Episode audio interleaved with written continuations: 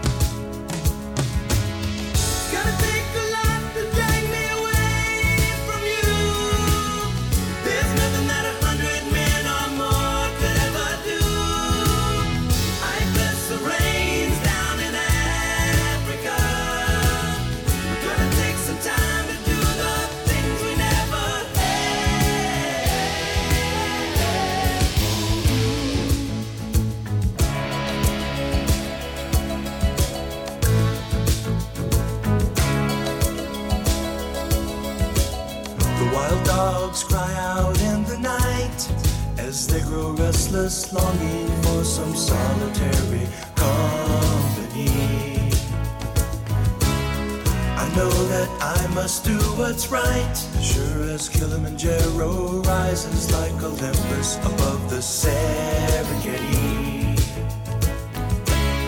I seek to cure what's deep inside, frightened of this thing that I've become.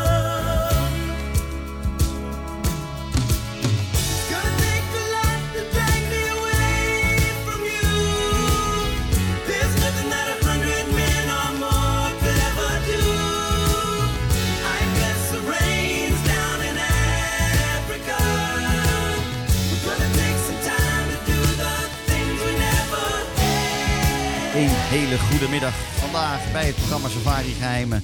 Hier bij dorpsradiolaren.nl. De zender van het Gooi uit het mooie Laren, Noord-Holland. En deze zender die je natuurlijk live kunt beluisteren via de website van dorpsradiolaren.nl of via de gratis app van Dorpsradio Laren. Vandaag weer een uurtje infotainment. Waarin ik jullie als luisteraar graag meeneem op reis naar de natuur en het rijk der dieren van verschillende safarilanden in Afrika. Een uurtje inspiratie voor diegene die al heel lang droomt van een eerste safari. Of van een nieuwe safari als je er al meerdere gedaan hebt natuurlijk. Kan beide. Ik zeg ga er weer eens lekker voor zitten. Neem een drankje. Hè, sch- schenk een lekker wijntje in. Of neem een ander lekker drankje. Whiskietje mag ook. Het is er prima tijd voor. En eh, even ontspannen voor, eh, voordat eh, de aardappels weer eh, op het vuur gaan en we aan tafel moeten. Iedere week tussen vijf en zes een uurtje wegdromen naar ongerepte safarigebieden. Afrika, India of elders. Nou, denk dan aan prachtige uitzichten. Vol savannelandschappen of berggebieden. Weg van de dagelijkse drukte, dat is heel belangrijk. Maar ook onvergetelijke wildlife encounters in de bush. Zonder dat er andere mensen om je heen zijn. Het zijn die zaken die je voor het leven bijblijven. Het is ook het maken van herinneringen voor het leven. Volg het principe van work hard, play hard. Als je er hard voor werkt, mag je best af en toe jezelf eens verwennen met een, ehm, met een ehm, ja, wat kostbaardere vakantieinvulling dan de gemiddelde andere vakantiereis over het algemeen zal zijn. Verwen jezelf eens met avonturen uit de wildernis of ehm, de wens om eh, ja, tussen, tussen de lokale bewoners van zo'n bepaald land te zijn. In die communities rond te lopen en met hele andere culturen in aanraking te komen. Een reis met prachtige Instagrammable plekken. Hè, het nieuwe woord van, of nou niet het nieuwe woord, het woord van de laatste jaren. Eh, mooie plekken die het goed doen op je socials. Dat is in Afrika niet zo heel moeilijk. Als je daar bent, dan kun je iedere dag 20 Instagrammable posts realiseren. Mijn naam Frank Ransijn en ik zit al 27 jaar in dat vak als persoonlijk reisontwerper op het gebied van exclusieve safari-reizen. En ja, deze kun je ook prima combineren met een heerlijke beachverlenging op Mauritius of de Seychelles of de Malediven of voor de kust van Tanzania en Kenia. En ehm, ook vandaag weer ben ik je host tijdens deze nieuwe aflevering van Safari Geheimen. Als oprichter van Safari Secrets, een kleine boutique reisspecialist op Safari Afrika, assisteer ik gepassioneerde natuur- en wildlife reizigers bij het samenstellen van ehm, ja, de voor jou ehm, eh, bijzondere droomreis. En ontmoet die culturen met wie jij graag kennis wilt maken in Afrika. Of ga op zoek naar dat zwarte luipaard op het Laikipia-plateau van Kenia, dat op dit moment de wereld verovert. Wil jij weten waar dat is? Natuurlijk help ik je dan graag verder. Al kan ik je ook weer geen enkele garantie geven of je dit majestueuze zwarte luipaard ook daadwerkelijk gaat zien. Maar dat die er is, dat is zeker. Want we worden al weken ehm, verwend met prachtige beelden van het Laikipia-plateau in Kenia. Eh, waar zo'n zwart luipaard op dit moment rondloopt. Goed, de reizen van Safari Secrets. Ze zijn er met een duurzaamheidsoogmerk. Het gaat om bewust reizen en iets terugdoen voor de natuur en haar bewoners. Dat is de filosofie van het moderne reizen. Ook wel gewoon duurzame reizen met een positieve impact genoemd. Zo sprak ik gisteren met een klant die deze zomer op reis is geweest met Safari Secrets naar Zambia en Malawi. Eh, en met zijn hele gezin getuige is geweest van een van de grootste olifantentranslocatieprojecten van Safari Afrika. En dat, gaat, dat ging om een project deze zomer van African Parks, in samenwerking met African Parks, waarin enkele honderden olifanten van het ene park in Malawi naar het andere park zijn overgebracht. In het ene park is de populatie zo toegenomen dat er een gezonde populatie is. En in het andere park, waar door de jaren heen en door de stroperij en teloorgang de populatie zo klein was geworden, eh, dat wil je zo'n olifantenpopulatie weer op peil brengen en in stand houden en gezond houden. Ja, dan zijn tegenwoordig dit soort grootschalige translocatieprojecten ehm, van toepassing. En die kun je soms bijwonen. Je kunt fysiek meemaken wat daar allemaal bij komt kijken. Natuurlijk is dat een kostbare aangelegenheid. Uh, maar goed, uh, het is ook een once in a lifetime ervaring die je nooit meer gaat vergeten en waarin je iets terug doet voor de natuur, waarin je je kinderen iets meegeeft over hoe belangrijk het is om dit soort projecten uh, uit te voeren. En het is een monsteroperatie met wildlife dierenartsen, met tientallen parkrangers en, en andere medewerkers, meerdere helikopters die er nodig zijn een dozijn aan grote trucs om deze dieren te vervoeren. Het ging in dit geval om 250 olifanten die van A naar B, van A naar B getransporteerd moesten worden. En um, je kunt in bepaalde landen met bepaalde momenten dit soort projecten dus ook als uh, safari-gast meemaken uh, door middel van donatie. Uh, en dan maak je echt mee hoe het werkt van het opsporen vanuit de lucht naar de geschikte olifanten in, die, die in aanmerking komen voor verplaatsing. Tot aan het darten. En darten is het uiteindelijk uh, met een pijltje, uh, met een narcosemiddel, uh, de, de, de betreffende dieren onder narcose brengen. Ehm, om ze vervolgens te kunnen inladen in speciale kratten of trucks. Om ze vervolgens weer verder te kunnen vervoeren. Met olifanten doen ze dat vaak met voltallige um, ja, breeding herds, zoals ze dat zo mooi noemen. Dus de, de, de, vrouwen-olifanten met, um, uh, met, met de baby's, met de jongsters, met uh, tantes. Uh, de mannetjes leven vaak solitair en sluiten af en toe alleen maar aan om natuurlijk te paren. dus ze proberen voltallige families te verplaatsen. en die worden dus ook niet uit elkaar gehaald, zodat er ook niet weesolifanten eh, ontstaan in zo'n kudde. Nou, dan worden ze, een, eh, in dit geval werden ze een paar honderd kilometer verder weer vrijgelaten in hun nieuwe thuishaven. eh, waar zij hopelijk weer eh, gaan zorgen voor een gezonde populatie in het gebied waar de soort dus nagenoeg was verdwenen. Nou, dit soort once-in-a-lifetime ervaringen, ehm, die zijn er, die zijn er niet heel veel. Maar er, er zijn van die momenten, er is op dit moment in Zimbabwe ook zo'n groot project gaande. Ehm, als je daar meer over zou willen weten en zou willen weten of je daar op een of andere manier bij betrokken zou kunnen raken als gast of ehm, als toekijker, dan eh, kun je zeker melden bij Safari Secrets en dan gaan we dat soort dingen onderzoeken. Ze zijn er ook op wat kleinschaligere wijze. Dus dit, dit zijn megaprojecten. Maar soms moet er ook gewoon één neushoorn of één ehm, eh, olifant verplaatst worden, om welke reden dan ook. Soms worden er bepaalde eh, roofdieren verplaatst van het ene park naar het andere. Nou, er zijn steeds meer safari-lodges of safari-operators of de non-profit eh, conservation organisaties die eh, steeds meer de, ehm, ja, de gepassioneerde wildlife-liefhebber hierbij betrekt en in mee wil nemen. Ehm, en ja, nogmaals, het allermooiste is om te zien wat er echt aan inspanning bij komt kijken. Eh, en welke inspanningen er worden geleverd om de natuur op deze manier te behouden voor onze kinderen en kleinkinderen. Nou, ik hoop dan ook dat door dit uurtje infotainment de luisteraar uiteindelijk op een bepaald, om op een bepaald spoor te zetten voor hun eventuele toekomstige reisplannen en safariplannen. Eh, en natuurlijk mee te mogen denken bij het plannen van een eh, safari of natuurreis. Want we hebben het altijd wel over safari-reizen, maar het is ook misschien in sommige opzichten gewoon wel een prachtige natuurreis waar het wildlife helemaal niet per se ehm, de boventoon invoert. Zo zijn er genoeg landen in Malawi of in, in Afrika denkbaar waar je meer kunt doen dan natuurlijk alleen maar ehm, beestjes kijken zoals veel mensen dat noemen.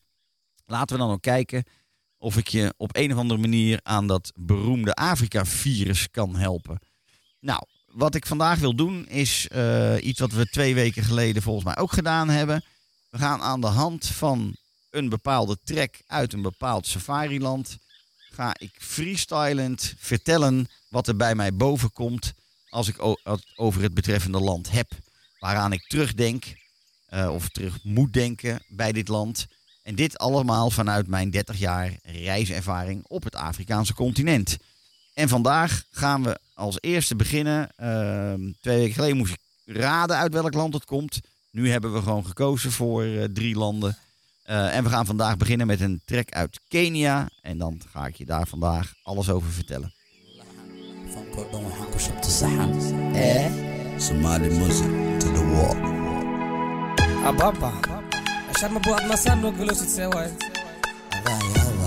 No sit معاك بشير عبد البشكة يا يا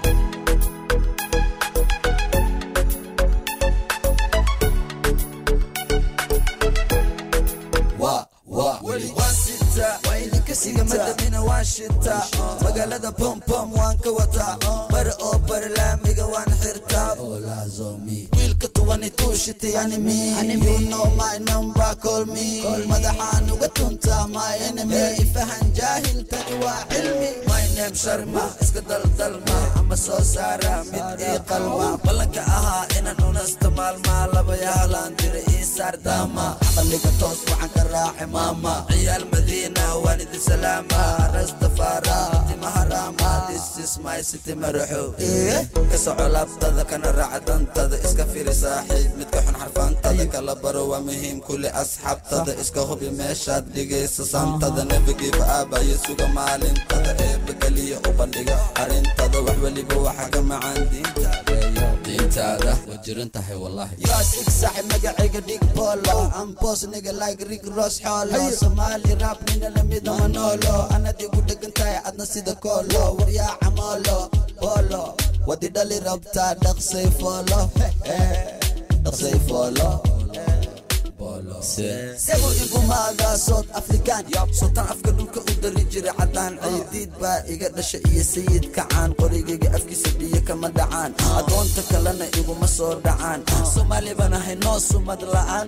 Calankayga iga mudan salaan. Ijadiga macaan dadka kala baro midka kuu roon iyo kan xun kala garo xaasidkana weligii ma hormaro dhiig isku yeel ha noqon baranbaro keliya samee wuxuu rabbigaa ku faro ma guulaysta nin bilaaba gardaro dad fahmaynayo ku jooga qaabdaro. Balse aniga igama hayaan faro mana cararo ma sameynaa waxaan dhahnana waan ka dhabaynaa goob shaax keliyaanu cabaynaa kii dhiban annagaa labaynaa xaqa dadkan waan goobaynaa cadaalad baan doonaynaa ha iska dhigin kankan haddii kale daan bush ilaa daan nin uma ekid ma ku dhaha macan badane. Seeney goormuu noqday tuune. Gacanta bidixi waxay tahay sida ladane. Aamus markay hadlayaan raga degane. Waay ugu labisatay sida ifraaxay tiktok baan ku arkay nin leh ii raaxay ugu fahnay orod gabdhaha la shaaxay. Naag jina iyo filimaan uga sheeke.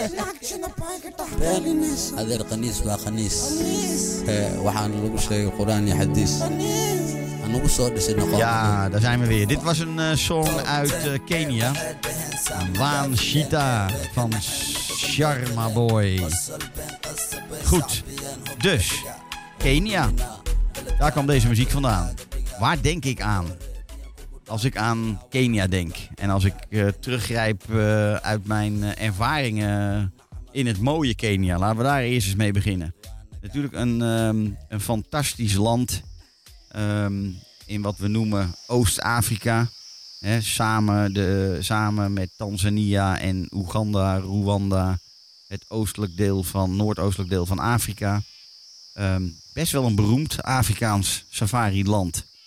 Ehm, en als ik aan Kenia denk, dan denk ik ten eerste, want ik ga het freestylen doen. Dus er zullen dingen door elkaar heen gaan. En ik zal van het ene misschien op het andere er idee of herinnering komen. Als ik aan Kenia denk, dan denk ik vooral aan het oude en het nieuwe Kenia. Dat is een term die volgens mij helemaal niet officieel bestaat. Maar vanuit mijn eh, eh, oude werkplek, ehm, 25 jaar geleden of 20 jaar geleden, toen zijn we dat daar zo gaan noemen. Want wat, is het, wat betekent dat dan, het oude en het nieuwe Kenia? nou, bij het oude Kenia moet je toch een beetje denken, en het bestaat natuurlijk nog steeds. Het is ehm, het wat toegankelijkere Kenia, wat betaalbaardere. Het is het minibusrijke Kenia. In die gebieden die door de decennia heen, dus de afgelopen tientallen jaren heen, ehm, ook wel als druk bestempeld werden of zijn geworden. Eh, en denk dan aan eh Amboseli, Masai Mara, Samburu, Lake Nakuru.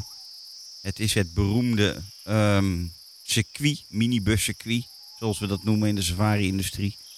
Ehm, wat gewoon door de jaren heen best wel druk werd.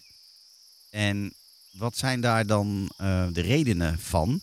Nou ja, van het oude Kenia, zoals ik het dan maar weer even noem, hè, het wat drukkere Kenia. Ehm, de reden is ongetwijfeld de grote wildebeestmigratie. Hè, de, biggest spectacle on earth zeggen ze wel eens. Nou, dat is heel discutabel. Maar de wildebeestmigratie bestaat natuurlijk uit die 2,5 miljoen wilde beesten en zebra's die in een jaar rond trekkende beweging door één ecosysteem trekken van de Masai Mara en de Serengeti in Tanzania. En ehm, die zijn natuurlijk ooit op de kaart gezet, die gebieden, door, ehm, en vooral bij de hongerige toerist die we zijn geworden door de jaren heen, door beroemde natuurfilmers, cineasten, die dit spektakel in beeld wisten te brengen. En waar tour operators en eh, rondreisorganisaties natuurlijk ook op ingespeeld hebben. Ehm, want ja, als je 30, 35 jaar geleden kijkt, dan was het nog helemaal niet zo'n hype of wens van iedereen om in die gebieden te zijn. Maar dat is door de jaren heen natuurlijk wel steeds meer geworden. Ehm, en daar hebben die cineasten waarschijnlijk wel erg aan bijgedragen. En de natuurdocumentaires op tv of in de bioscopen. Die ervoor zorgden dat mensen gingen zien wat er in die gebieden aan spektakel te, zien, te vinden was op eh, natuur- en wildlife gebied. En een van die mannen ehm, is een Nederlander in de 80, 90 jaren. Eigenlijk al eerder, maar ik denk dat het in die jaren ehm, dat hij op zijn hoogtepunt was. Hadden wij natuurlijk in Nederland Hugo van Lawik, een eh, Nederlandse cineast en een hele beroemde, wereldwijd beroemde natuurfilmer.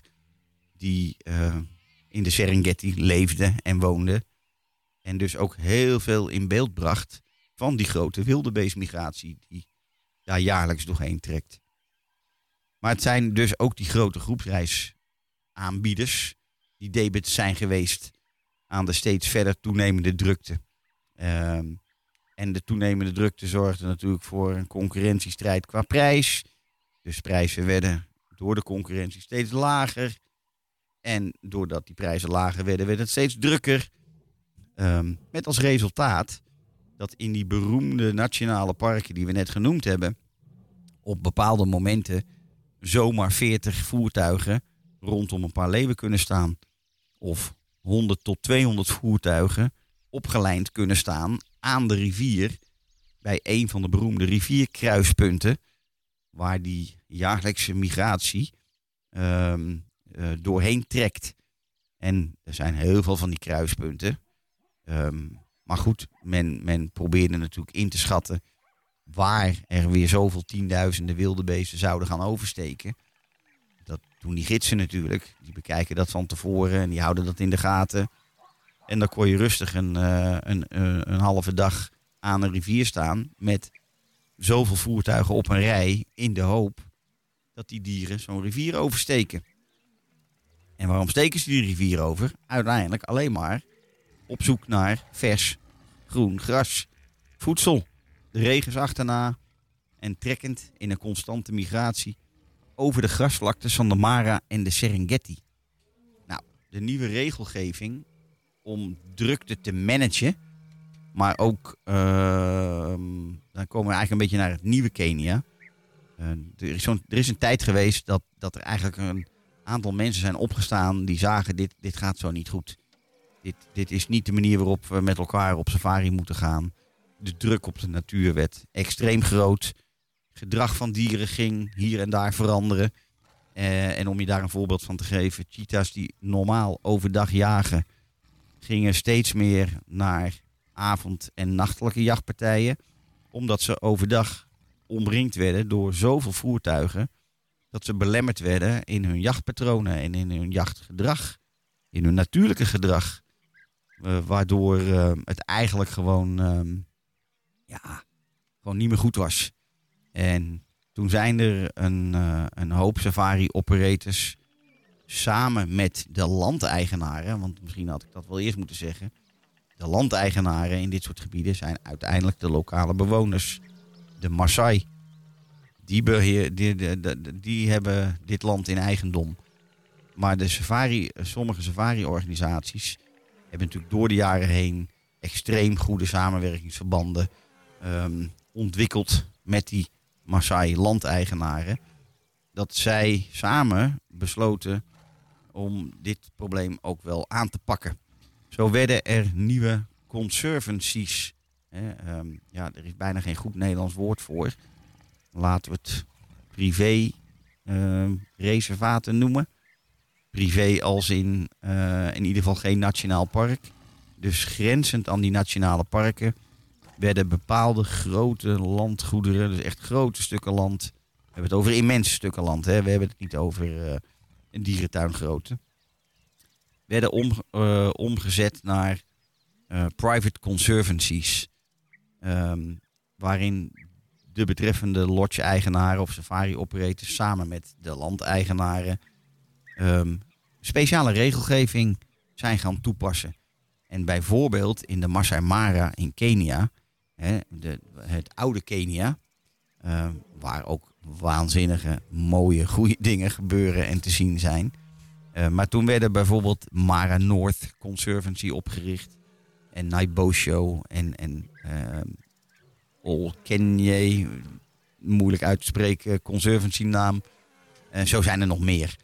Ehm, En in die laatste Olkenye Conservancy, daar ligt bijvoorbeeld het beroemde Cotters 1920s Camp. Wat al meer dan 100 jaar in de familie is als safari-bedrijf. Niet zozeer het kamp, want dat kamp is later gebouwd.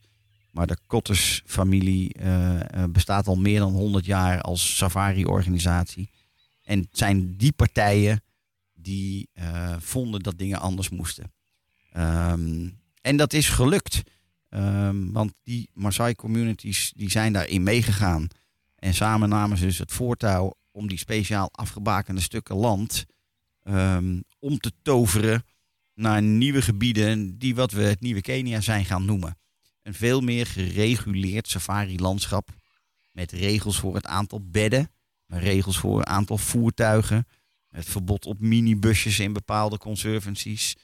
En dat is om ehm, ja, de druk op de natuur te verlagen, de exclusiviteit te verhogen. Het is ook niet zo vreemd natuurlijk dat de prijzen in dat soort safarikampen beduidend hoger zijn dan in die gebieden waar veel meer ehm, safari-toerisme is ontwikkeld en gebouwd. In het oude Kenia vind je nog safari-lotjes met meer dan 100 kamers. Het nieuwe, het nieuwe safari, eh, de hele nieuwe safari-periode. Eh, die, die, die, die, ja, ja, het, eh, het wordt ongetwijfeld nog steeds hier en daar gebouwd. Maar ehm, een klein beetje natuurliefhebber eh, probeert hierbij weg te blijven. Uh, maar de, de Masai Mara stond en staat er vol mee. Um, ik weet niet wat er nog van over is nu na corona. Want dit is een, een onderdeel van de zware industrie waar ik me normaliter niet mee bezig hou. Um, maar door die regulering zijn die gebieden ontzettend um, populair geworden en interessant geworden voor diegene die Afrika wil ervaren op de manier zoals we eigenlijk denken dat het ook bedoeld is. Je wil natuurlijk, als je de natuur ingaat, dan wil je de natuur ervaren zoals het zou moeten. Uh, en in sommige gevallen kan het niet anders dan met veel meer mensen. Maar gelukkig heeft men weer gebieden uh, gecreëerd waar dat eigenlijk wel kan. Want onderling maken ze dan ook de afspraken om zo min mogelijk in elkaars gebied rond te rijden als we het over safari-tochten hebben. Uh, zodat je rustig in een bepaald gebied um, ja, ja, of, of nou, noem maar wat, tussen de 1 en 5 voertuigen per dag kan, kan tegenkomen. Hangt ook wel weer af van de tijd van het jaar natuurlijk. Heeft er allemaal mee te maken. Naast deze beroemde gebieden, dus grenzend aan die nationale parken, ontwikkelde het safari-toerisme zich ook in die eerste jaren van uh, na 2000. Ongeveer, hè, want is, bedoel, het is allemaal natuurlijk niet van de een op de andere dag gebeurd. Maar ik denk zo ongeveer vanaf 2000 en later ging die safari-industrie zich echt wel heel anders ontwikkelen. Um, veel meer gericht, nee, niet veel meer. Naast dus die wat drukkere plekken, die wat betaalbaardere plekken, kwam er ook veel nadruk op gebieden waar het meer ging om locatie, om de exclusiviteit, om de minimale druk op de natuur door toerisme te zetten. Um, rijk aan uh, rijk aan activiteiten en ervaringen. En dan hebben we het vooral over de plekken die geen nationaal park zijn, maar die echt privé grondgebied zijn. En die bestaan er in het nieuwe Kenia natuurlijk ook. Uh, in ieder geval zoals ik ze uh, onder het nieuwe Kenia schaar. Um, en dat zit hem dan vooral in bepaalde delen van Kenia, waar heel veel lodge-eigenaren hun lodge hebben staan op een privé grondgebied. Soms extreem grote grondgebieden, uh, die vaak ook steeds groter gegroeid zijn door alle non-profit natuurbehoudorganisaties die steeds meer land bijkochten om die gebieden gewoon groter en groter en groter te maken en het wildlife steeds meer terug te brengen uh, en, en weer te laten ontwikkelen zoals het misschien 100 jaar geleden ook was.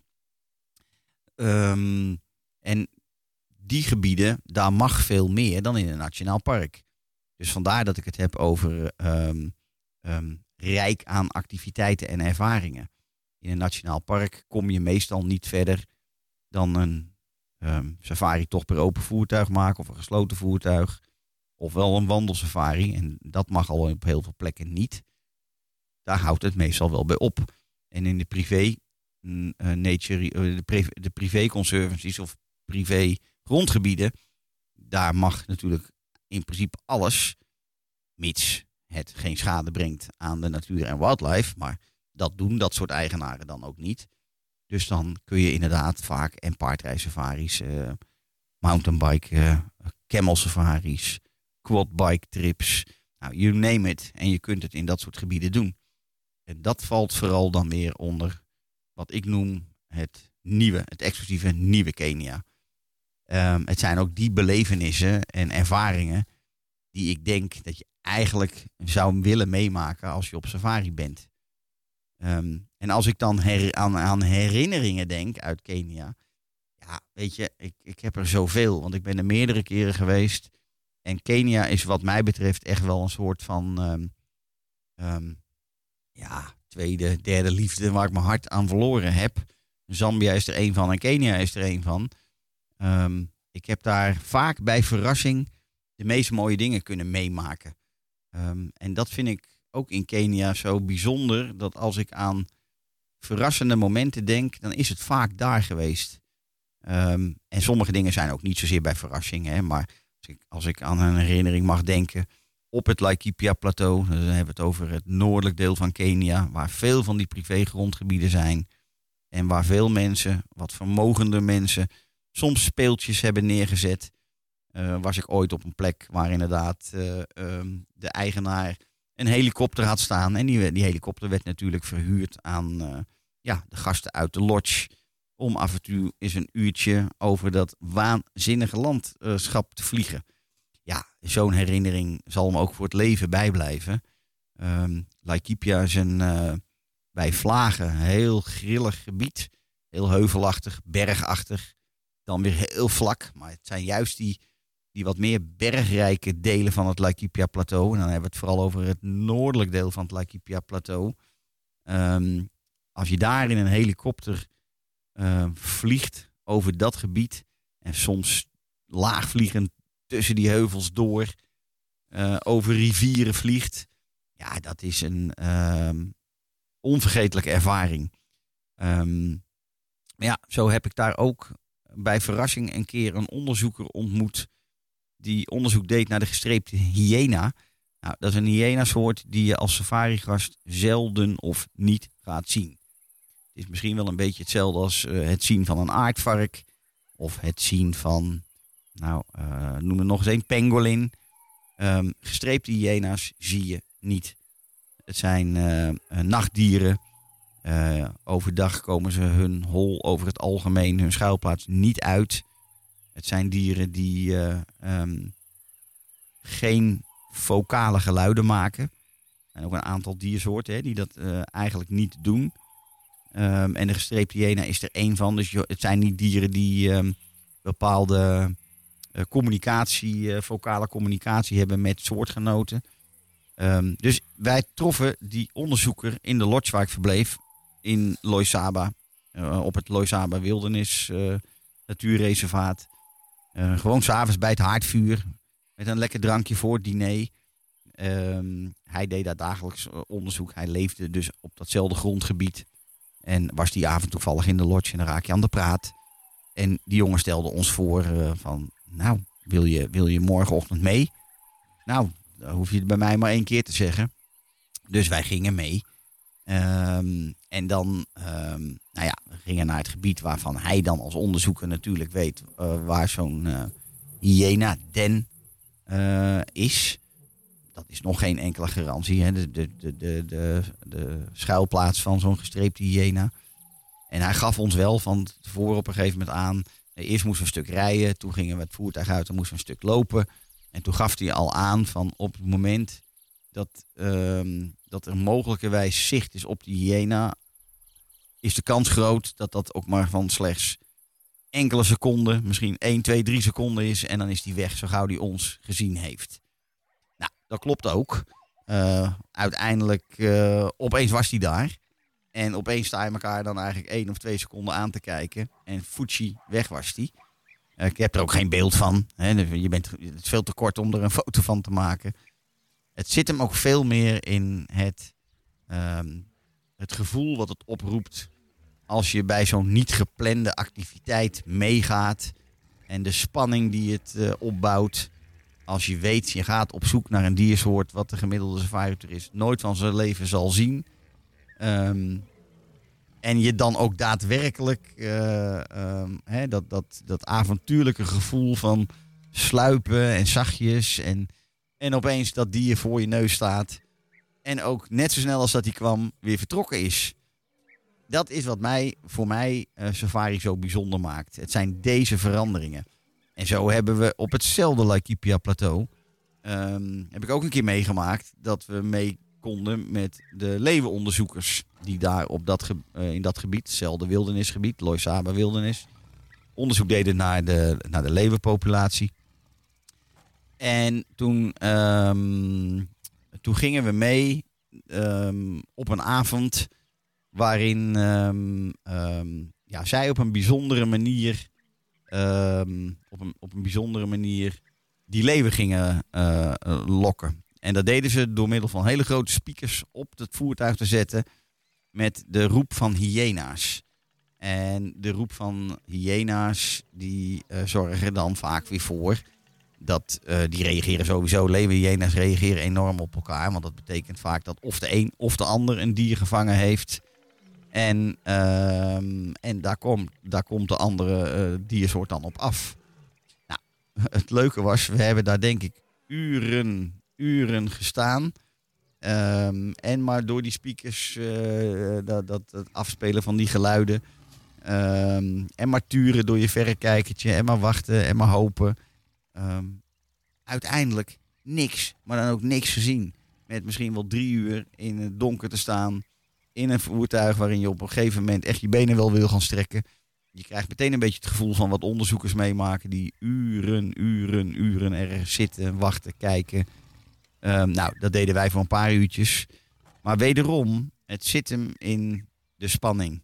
Het avontuur. Het überhaupt mee kunnen op zoiets. En niet wetende wat je gaat overkomen. En of het wel of niet gaat gebeuren. En ehm, uiteindelijk kregen zij die leeuwen ook niet, eh, niet in het zicht. De onderzoekers.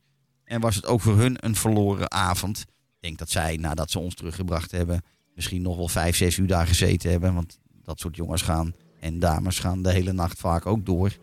Ehm, maar dat was ook weer zo'n niet gepland, ehm, even, eh, niet geplande ervaring die je dan meemaakt. En, en ehm, een- nog een andere eh, vanuit diezelfde lodge, Loisaba Wildernis, per kameel naar de, naar de, naar buur, naar de, naar de buurlodge, naar Olmalo. Fantastische plek. Het zijn beide fantastische plekken. Maar dan ga je, we waren met z'n tweetjes met de Samburu, die dan die kamelen, de kamelenherders, laat ik ze zo even noemen. En dan op de rug van een kameel door dat waanzinnige grillige landschap van de ene lodge naar de andere lodge. Dat kon toen nog. Dat gebeurt tegenwoordig volgens mij ook niet zo makkelijk meer. Maar dat zijn van die. ehm, hè, we wisten dat we van A naar B gingen, maar we wisten helemaal niet dat ze ons per kameel daarin zouden vervoeren. En dan zit je daar in Olmalo en zoek het maar eens op wat een waanzinnige plek dat is. OL en M-A-L-O, Olmalo. Als je daar dan zit in dat landschap en je dineert s'avonds met twee mensen die je op dat moment nog helemaal niet kent. Maar die dan uiteindelijk eh, de, rechterhand van een zeer beroemde schrijfster 25 jaar lang zijn geweest op een andere lodge op het Laikipia plateau. Het was de, de, de boerderijmanager van ehm Moekatan Retreat. En Moekatan Retreat was, was of is nog steeds van Cookie Galman. En zij is weer de auteur van een van de meest beroemde boeken en films over Afrika. Ik droomde van Afrika. En als je dan van zo'n boerderijmanager, die 25 jaar daar boerderijmanager was, uit zijn mond de verhalen hoort uit die beroemde, beruchte 50, 60, 70 jaren van de vorige eeuw. Toen men al in oorlog was met de, de stroperij. Ehm, ja, dan hoor je de echte verhalen uit het oude Afrika, uit hun mond. Ehm, uit die lang vervlogen jaren. Ehm, ja, dat vond ik zo bijzonder. En dat zijn ook dingen die steeds moeilijker worden. Want vind dat soort mensen nog maar die nog steeds en leven en nog steeds in de bush zijn. en jou die verhalen uit eh, hun eigen mond eh, kunnen vertellen. Dat wordt nu straks bij overlevering gedaan. Want ehm, de twee eigenaren, hun zoon is zijn, of die, die, die, eh, die heeft bedrijf. Oh, ja, pa maar zijn ook nog in het bedrijf, maar het wordt overgedaan aan, aan de zoon. Eh, en tuurlijk zal zo'n jongen dat ook ehm, doorvertellen. Maar er is niets moois dan dat soort verhalen aan de dinertafel mee te krijgen. We waren ook met z'n tweetjes te gast. Hè, dus ja, twee eigenaren, twee gasten. Verder helemaal niemand. Ja, en als je dan eh, inderdaad twee, drie uur met elkaar dit soort mooie verhalen mag aanhoren en vragen eh, over mag stellen, dan is dat echt super, super bijzonder. En ik doe er nog één. Ik doe er nog één. Zo was ik ooit ook in het Meru National Park. En Meru is ook weer zo'n plek. Eén lodge, bijna niets en niemand. Ehm, en Meru bekend geworden door George Adamson. En George Adamson is de man die we kennen uit een aantal hele beroemde boeken en films. Van Elsa de Leeuwin en Born Free. Ehm, en toen ik in Meru was, op een moment dat er dus verder drie dagen lang nooit geen ander mens gezien hebben dan alleen de gasten uit de lodge. En dat waren wij. Ehm, waardoor je dingen anders kunt doen dan anders. Dus op dat, op dat, eh, of tijdens dat verblijf eh, werd er op een gegeven moment aan mij gevraagd: joh, wil je, wil je rijden? Nou, dus in de meeste safariparken niet de bedoeling dat jij als gast zelf rijdt. Dat heeft ook alles met verzekeringstechnische zaken te maken. Want als er wat gebeurt, dan is zo'n lodge natuurlijk verantwoordelijk. Maar ja, als er vervolgens helemaal niets en niemand is. eh, dus ik zei inderdaad weer wederom niet z- eh, zonder nadenken. Ja, dat wil ik wel. Eh had nog nooit voor bij voor gereden. Ehm, maar goed, dan rij je in zo'n open Land Rover door een park. Nou, ik geloof zo groot als half Nederland. En ehm, eh, over, over riviertjes heen en bruggetjes heen. En ja, dat zijn, was ook weer niet gepland. Dus dat zijn de dingen die dan op je pad komen. En ik ben er stellig van overtuigd dat eh, het nieuwe Kenia eh, brengt je dit soort dingen die op je pad komen. In een beetje gereguleerde, geanceneerde safari-industrie in heel veel landen is dit eigenlijk gewoon onmogelijk. Daar gebeuren dit soort dingen niet, omdat het in een te veel vast stramien zit. En in het nieuwe Kenia, daar kunnen dit soort dingen je eigenlijk iedere dag overkomen. En het gebeurt ook niet altijd. Maar op die rit zijn wij bijvoorbeeld gereden naar het, eh, het oude ehm, ehm, hoofdkwartier van George Adamson. En dan, wat, denk, wat, moet je daarbij voorstellen? Nou, een stenen gebouw waar geen ruit in zit. Ehm, een halve ruïne, maar waar je binnen het kantoor inloopt. En, eh, en de oude foto's van hem met zijn leeuwen die hij daar ooit grootgebracht heeft. ehm, nog in, in zijn oude kantoor hangen. Ja, het zijn onbetaalbare ervaringen en herinneringen die ik heb als ik denk aan mijn verblijf in Kenia. Goed, ik heb lekker een tijd zitten volkletsen. Eh, maar we doen er nog één. We doen een eh, song uit Zimbabwe.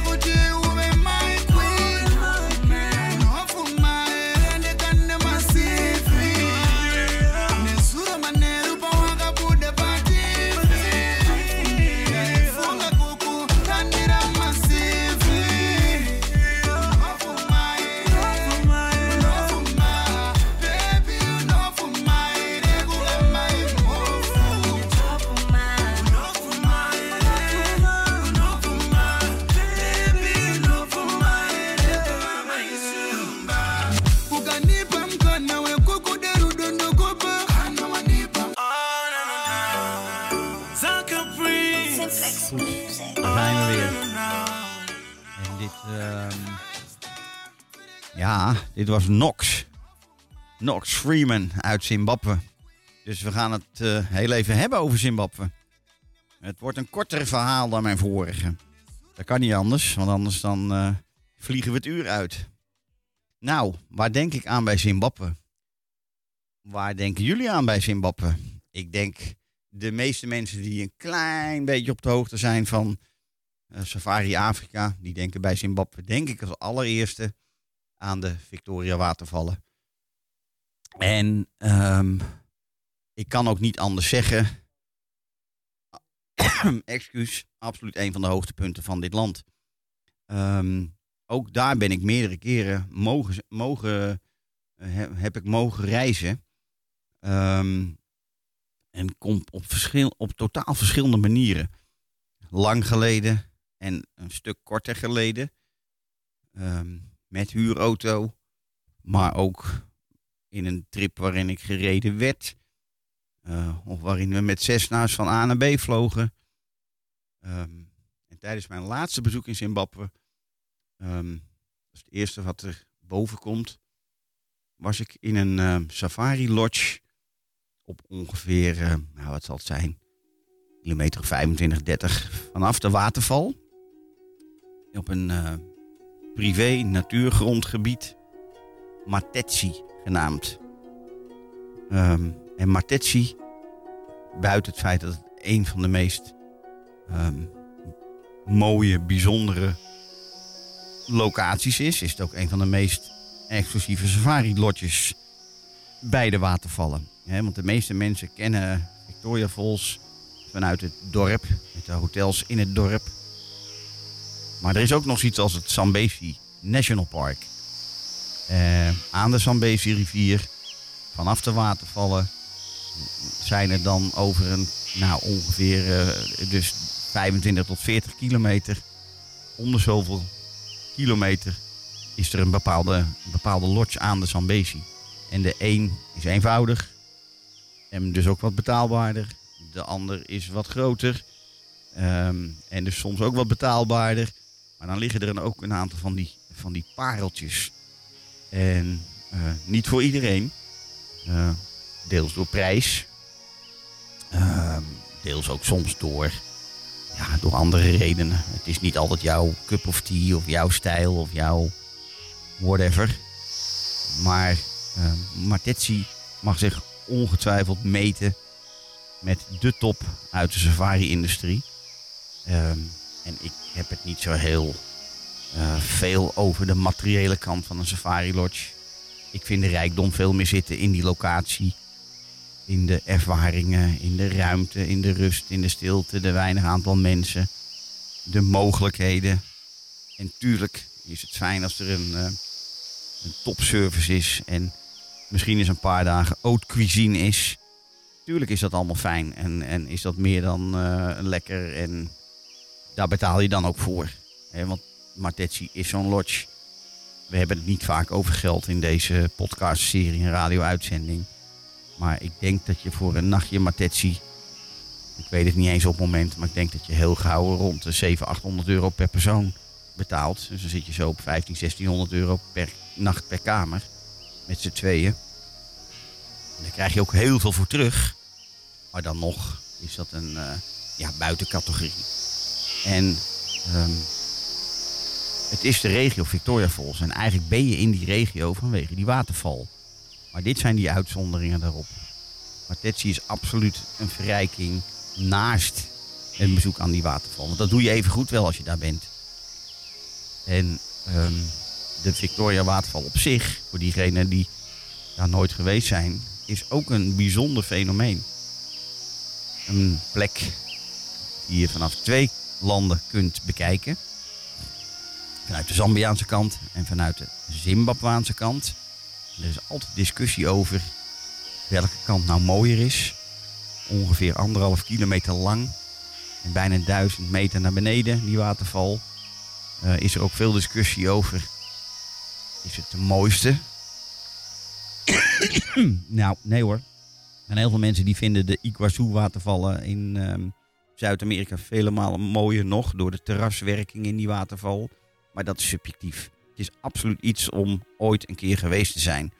Even een van de zeven wereldwonderen op aarde. Maar natuurlijk ook het Walhalla als je van olifanten houdt. En op safari gaat in het Wengi National Park. Nou, ik zie alweer, ik vlieg aan alle kanten de tijd uit. Dus als ik het nog eens over, en dat wil ik zeker, want ehm, ook weer een van de meest bijzondere herinneringen en ervaringen heb ik toch overgehouden aan het Wengi National Park. Maar ook aan het gebied rondom Matusadona, hè, het meer van Matusadona. Ehm, ehm, nee, ik moet het anders zeggen. Het meer, het Lake Kariba en Matusadona National Park. Een zeer waterrijk gebied in het noorden van Zimbabwe. Waar ook het beroemde Manapools National Park gelegen is. Nou, dat heeft absoluut eh, meer tijd nodig dan dat ik nu heb. Dus ik wil het ook afronden voor vandaag. We gaan volgende keer gewoon weer vrolijk verder. En ehm, er is niks moeilijkers dan dit soort verhalen in te schatten qua tijd. Ik wil jullie bedanken voor het luisteren. Heb je eh, interesse en wil je contact opnemen om over dit soort zaken met mij van gedachten te wisselen? Stuur een e-mail naar info.safarisecrets.nl of je belt op 06 24 732 882. Ik zeg een hele fijne avond alvast gewenst.